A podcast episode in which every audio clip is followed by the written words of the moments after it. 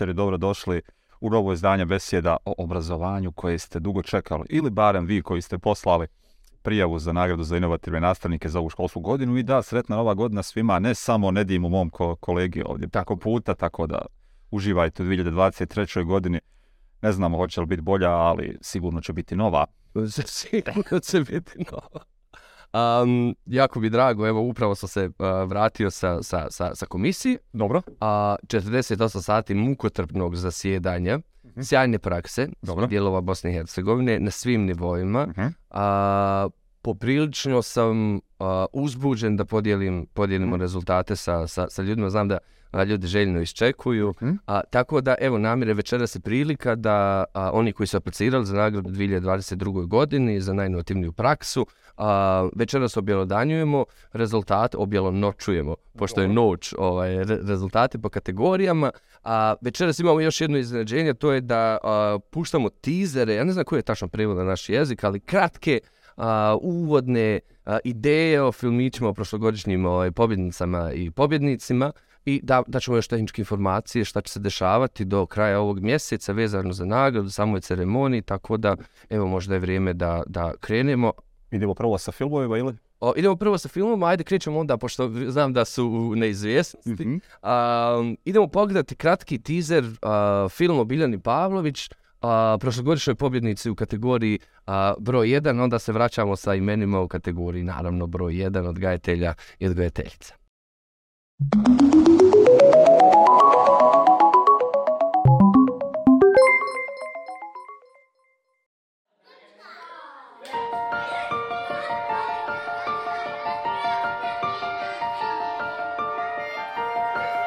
Mi u svojoj profesiji imamo plan i program kojeg se držimo, no međutim on je otvoren. I samo je vaspitač taj koji organizuje unutar svoje boravišne sobe aktivnost. Tu je mašta, tu, je, tu vam niko ne može oduzeti taj način i metodski pristup kojim ćete djeci nešto prenijeti. Šta sam ja? Vodič. Koji vodič? Držim zastavicu, sad kad krenemo kroz grad, idemo da upoznajemo neki grad. Obrazovanje u ovom trenutku je još uvijek puko usvajanje informacija. Da, još uvijek je puko usvajanje informacija. E, dolazi tu do promjena, idu, ali mi smo ti koji naravno. Zato ja u svom radu želim da ih naučim da budu e, otvoreni, da promišljaju, da zaključuju, da imaju određena svoja mišljenja, da to e, njihovo znanje bude funkcionalno, da bude upotrebljivo. Veliki dio moći je upravo e, na vaspitno-obrazovnom radniku, a evo prije svega na vaspitaču, od njega sve kreće.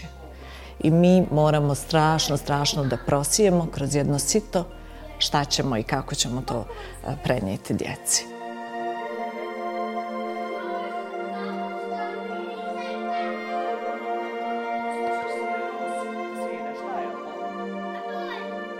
Zamolit ćemo Adnu Sokolović da nam donese imene nominovanih u kategoriji 1 odgajatelji odgajateljice.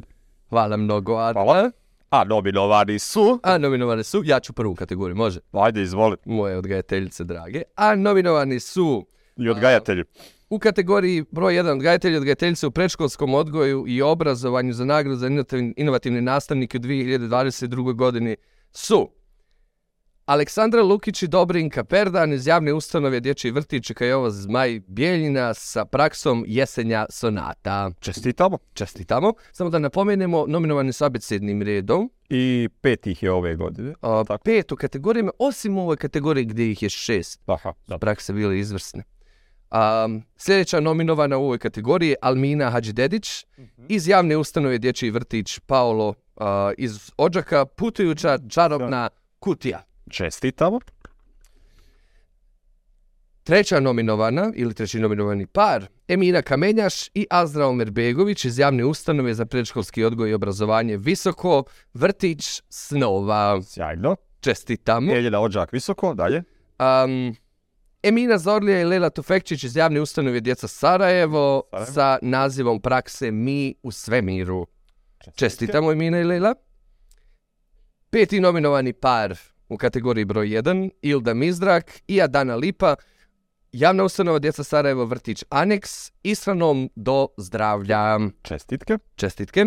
I šesti nominovani par Vildana Čeliković i Emina Talić Hakanović, A, iz predškolske ustanove Abakos Zenica, djeca su čuvari planete i svijeta. Čestitke Čestitke. svim nominovanim u kategoriji broj 1.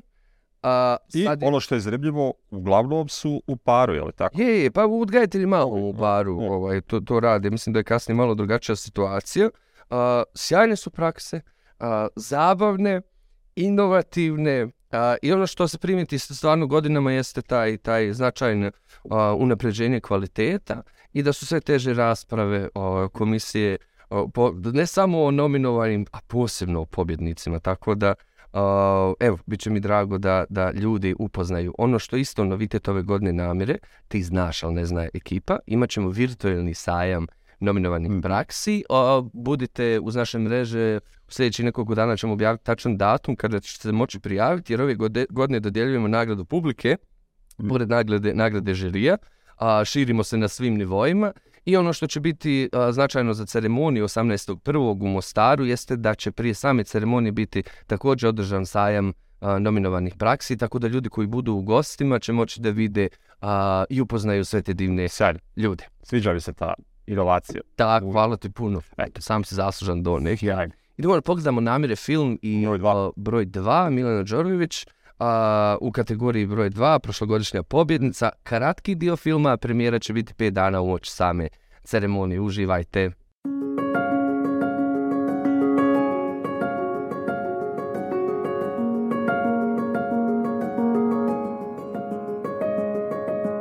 Škola u kojoj sam ja počela da radim je bila u jako lošem stanju. Stara seoska škola, hladnoća, goli zidovi i prosto ja imam tu neku kreativnu crtu u sebi, imam potrebu da taj prostor oko sebe oplemenim. Kao, kao što svako svoj dom, svoju kuću želi da nekako uredi, da se osjeća tu toplo i, i dobrodošlo. Tako sam ja imala potrebu da sredim eto, svoju učionicu, a kasnije i školu.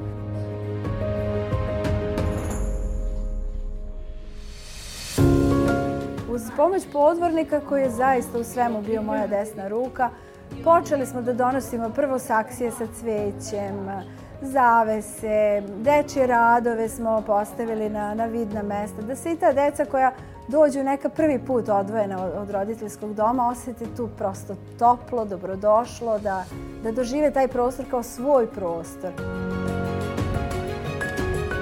A onda smo e, nekako, ne znam ni sama kako smo odlučili da te stare predmete počnemo prikupljati. E, Ja sam bila u nekakvom timu za očuvanje tradicije, iako nisam iz ovih krajeva, ja sam to shvatila nekako ozbiljno, pa sam počela sa komšijama, sa roditeljima, sa učenicima, da eto tako prikupljam neke stvari. Sve što nam nije nekom trebalo, mi smo donosili u školu, tu smo skladištili.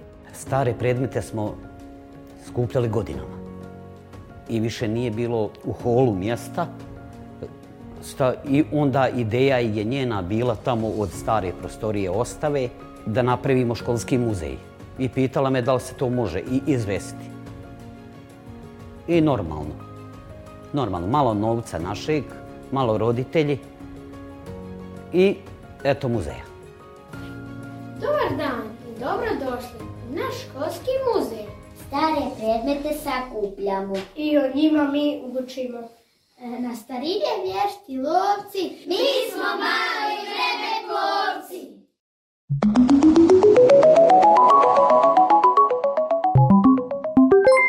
Nakon što ste pogledali najavu kratkog pobjedničkog filma iz kategorije najbolji, jel tako, razredna nastava, Tako. praksa iz razredne nastave, zavolit ćemo Adnu da nam donese nominovane ovogodišnje u istoj kategoriji. Eno ga kategorija 2. Zahvaljujem Adna. Hvala Adna mnogo. Ta, ta, ta, Mogu reći nominovane su.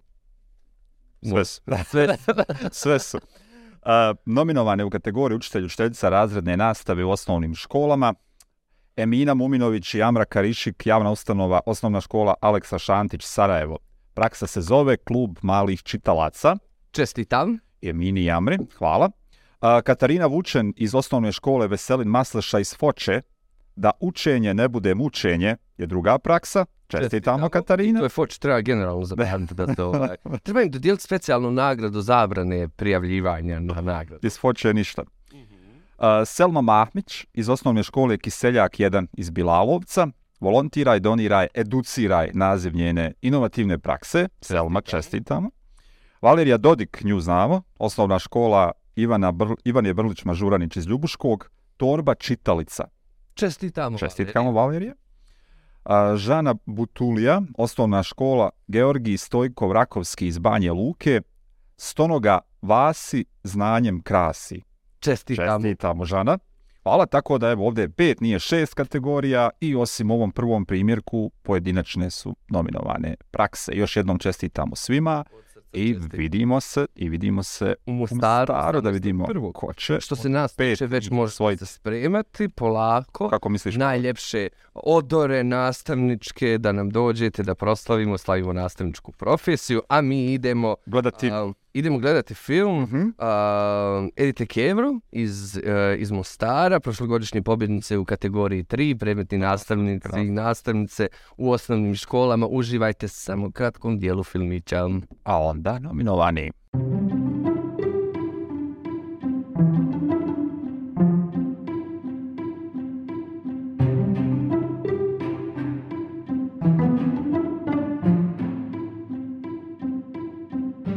Od djetinstva nastavnici su mi bili uzor i znanje je neka vrijednost koja se njegovala u mojoj porodici. Kao djevojčica uvijek sam se igrala učiteljica. Kroz moj studij za profesora otkrila sam svoju ljubav prema historiji jezika. I to je nešto što je mene u to vrijeme kao mladu nastavnicu usmjerilo da se bavim nekim aktivnostima koje proučavaju historiju jezika. Nastavnička profesija je jednostavno stil života. To ne može biti drugačije. Vi morate biti toj djeci uzor i kada vas sretnu u gradu i kada ste na odmoru i kada obavljate neke svoje privatne stvari. Dakle, vi, vi ste svugdje prosvjetni radnik i vi ste svugdje ambasador prosvjetnih radnika.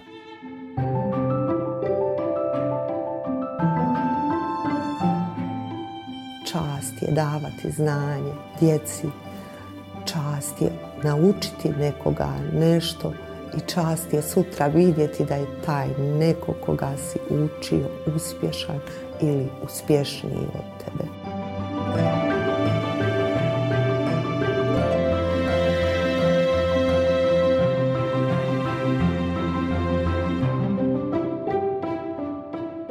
Mostara vraćamo se u studio i zovemo našu kolegicu Adnu Sokolović da nam donese kovertu sa Hvala ti mnogo. Kategorija broj 3. Taratata, taratatatatata. Predmetna nastava.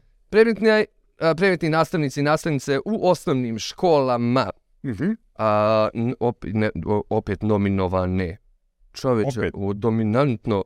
O, A interesant, otkud toliko nastavnici? Evo, Obrazovanja, možda se i zaradio. E, Da, i kroz moj život sve su bili nastavnici, generalno. Odgajatelji, pa učitelji, pa... da. da ne odlažemo previše, da ne budemo bezobrazni prema ljudima koji čekaju. Nominovane su Emina Sinanović, javna ustanova, osnovna škola Kiseljak 1 Bilalovac, drugačiji riječnik. Dakle, druga nominovana praksa iz iste škole i ja mislim da je prvi put da Kiseljak, odnosno Bilalovac je na, na, na nagrad među Čestitke. Čestitke od srca. A, Mirema Ljevaković i Meliha Povlakić Hadži Efendić iz javne ustanove Centar za slušnu i govornu rehabilitaciju Sarajevo sa inovativnom praksom web aplikacije slikovni riječnik.ba za učenike oštećenog sluha. Sjajno. Čestitke. Čestitamo. Um, sljedeća nominovana u kategoriji broj 3 je Mirjana Danilović iz javne ustanove Osnovna škola Petar Kočić iz Mrkonjić grada sa naslovom inovativne prakse od kose varcarke do Univerziteta Colorado. O, Da, to zanimljivo. ovo bukvalno ideš samo da klikaš, još da vidim šta je, još da vidim šta je. A, čestitamo, Mirjana. Sljedeća nominovana je Senada Užičanin iz javne ustanove osnovne škole Miladije iz Tuzle, maskom do funkcionalnog znanja i samospoznaje. Sjajno, čestitamo. Čestitke. I posljednja nominovana peta u kategoriji 3, Željka Đukić iz javne ustanove osnovna škola Đura Jakšić Banja Luka, naše matematičko putovanje i matematički kutak. Čestitamo. Čestitamo svim novinovani. Od srca. I sad je polako vrijeme da se preselimo u kategoriju a, broj 4, no prije objavimo imena nominovanih a, u ovoj kategoriji. Idemo da pogledamo Anesov film opet u Mostaru, a, jedno sjajno biće sa sjajnom energijom, sjajnim duhom s kojim sam proveo prelijepa dva dana. A, tako da a, pobjednik u kategoriji 4, a, profesor u srednjim školama, a, pogledamo Anesov film, kratki dio film.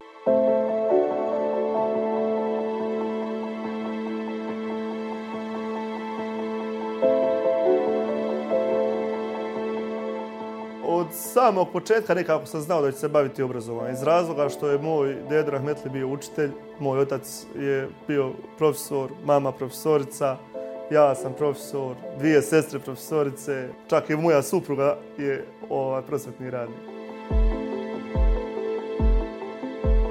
Robotika nije bauk nije sve to pismo da se ne može, da je nešto što se ne može naučiti. Može. Profesori i nastavnici ne trebaju da, se, da, da i bude strah nečeg novog, nečeg stranog. Ja sam samo iz robotike. Mi se moramo stalno dograđivati. Sad će nas vrijeme ako se ne, ne, dograđujemo. Vi vidite, jedna Ruanda je poslala u svemir i raketu, imaju svoj, svoj satelit što jedna Bosna ne bi poslala to. Dakle, e, moramo ulagati više u obrazovanje, jer to nam je jedini i pravi način napretka i, i nas, i naše djece, i Bosne i Hercegovine. To nam je budućnost. Sistem obrazovanja, dakle, mora se u Bosni i Hercegovini mijenjati, to je činjenica. Nemaju svi iste predispozicije, iste sklonosti, ali on nije loš, on je opširan. Dakle, uči se dosta nepotrebnih stvari i nadam se da će se jednog dana to promijeniti, dakle, da, učim, da, da učimo djecu onome što, što im je potrebno, dakle, ono što će koristiti. naučiti kako da dođu do, do određenih rezultata, do, kad im se postavi pitanje, da učiti gdje da traže to pitanje, kako da dođu do odgovora na to pitanje. Jer nije samo da sjednu da nauče definiciju, jer od te definicije nakon 7-10 dana nema ništa. Vratili smo se, Anese, ovaj, hvala ti iz Mostara, opet u studiju. Tako je, stalo se što što, što, stalo opet i nagrada u Mostaru, sve ono se preseliti kancelariju. Tako je. Adna, molimo da nam dostaviš imena. Četiri. Dobro, hvala. Hvala puno. Imena nominovanih profesorica i profesora srednjih škola za 2022. godinu.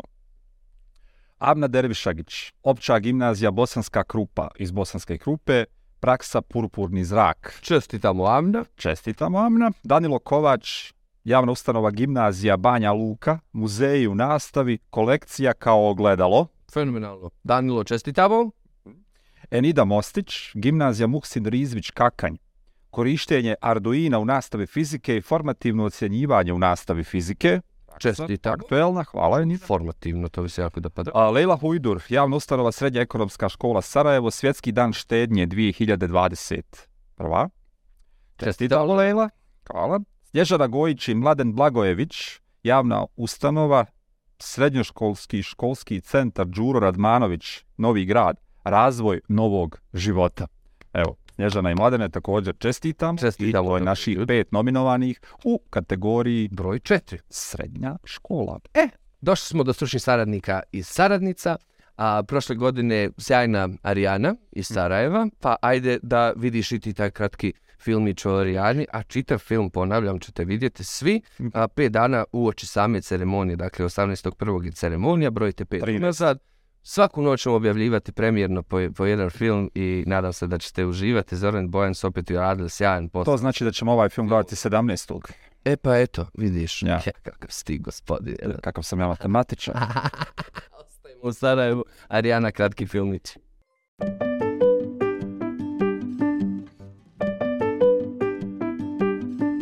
Ja sam od uvijek znala stvarno da ću se baviti obrazovanjem, samo nisam znala na koji način.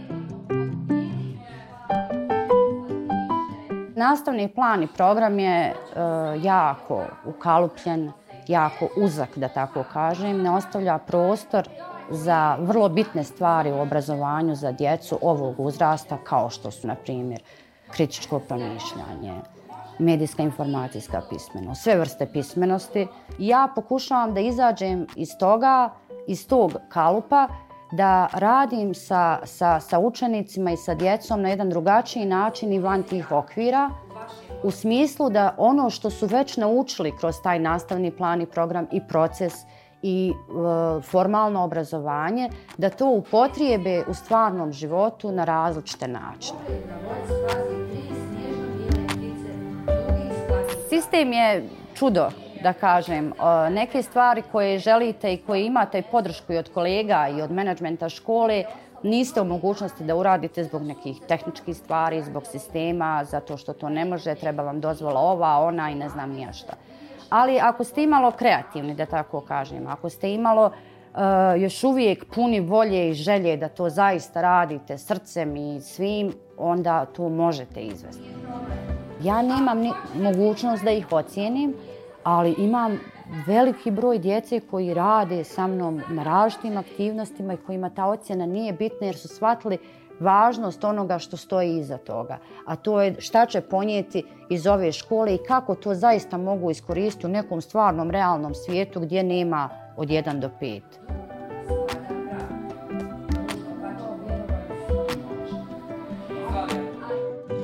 I naravno, posljednja koverta za večeras i do naredne godine ništa. Ovu kategoriju. Pa možemo, evo, možeš ti dva, ja tri da bude popola. Adna, Hvala. Baš Riješila se se koverata. Samo da znate da je Adna koordinisala gro aktivnosti oko ove nagrade i komunikaciju sa članovima a, komisije, članicama, skupljanje prijava, da sve bude kako treba, tako da Evo, hvala Adni da ja Adna, hvala. u neku, ja te nominujem Adna u kategoriji broj šest a, najboljih saradnica a, u čitavom kantonu. Nominovan Adna, pobjedila Adna, čestitam. Od svih uposledica u kancelariji je Stepa za ovo stručni dio, dakle, broj jedan. jel? U, generalno, šta bi, ali je najbolja. E, kategorija broj 5, stručni, stručne saradnici, saradnice na svim nivoima odgoja i obrazovanja, nagrada za inovativne nastavnike 2002 u, Bosni i Hercegovini u organizaciji Centra za obrazovne inicijative Step by Step i zajednice inovativnih nastavnika u šesti put.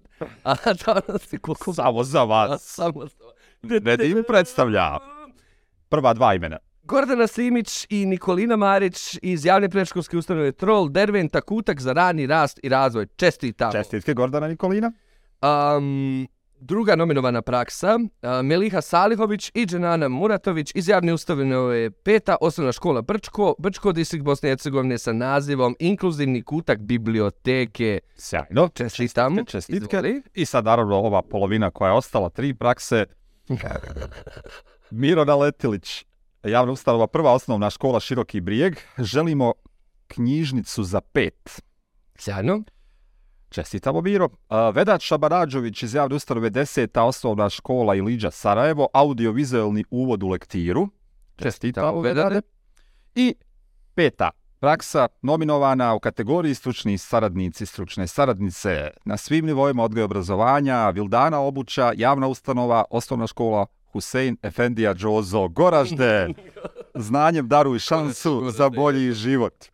Čestitamo. Opet čestitke svim nominovanim, čestitke svim nominovanim u svim kategorijama. Znači, ako ja kao matematičar dobro brojim 26 nominovanih u pet kategorija sa jednom grupom gdje je šest nominovanih, ostali pet. Ljudi.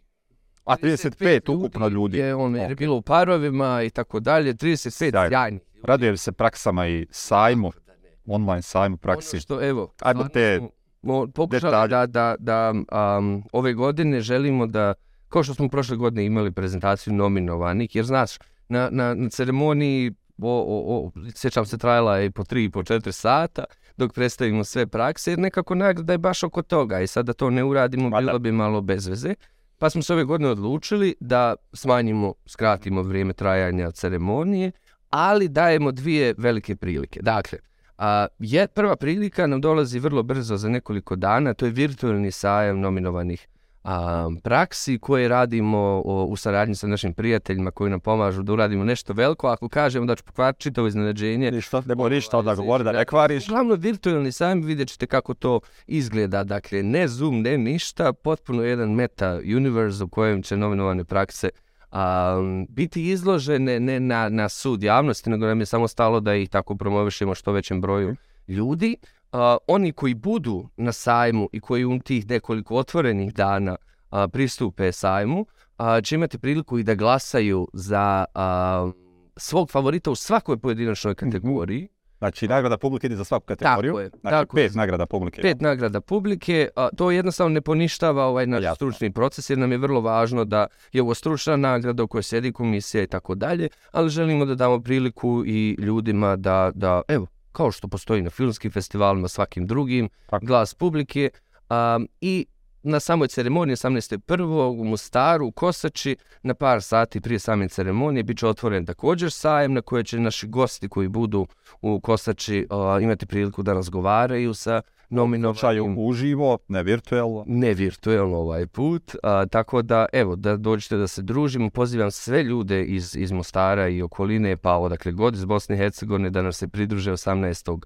prvog na jednoj ozbiljno svečanoj ceremoniji, ali najviše slavlju i, i proslavi profesije, jer ovo iz godina prije ovoga nam je bilo prilično jasno da je ljudima potpuno svejedno ko je pobjedio. Jako im je važno da upadnu među nominovane, a, onda to bude jedna lijepa proslava svega što, što odnosno kontrapunkt svom evo i besedama donosimo iz festival inovativnosti. Tako. Sjajno.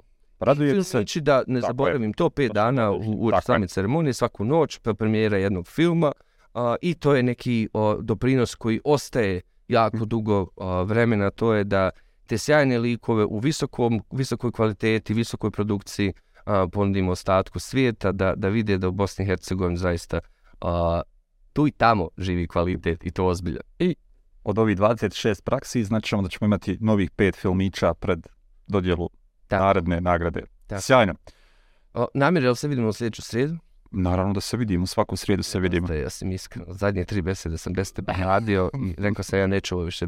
Koliko god sam Tako ono, protiv tebe javno, a jako mi značiš u besedi. Ja sam ovaj, isto rekao da se odmah vraćam u besede jer sam vidio da zapravo besede bez mene to nisu više besede sa Nedimom i namjerom, nego samo besede s Nedimom, tako da bismo... Od... besede sa...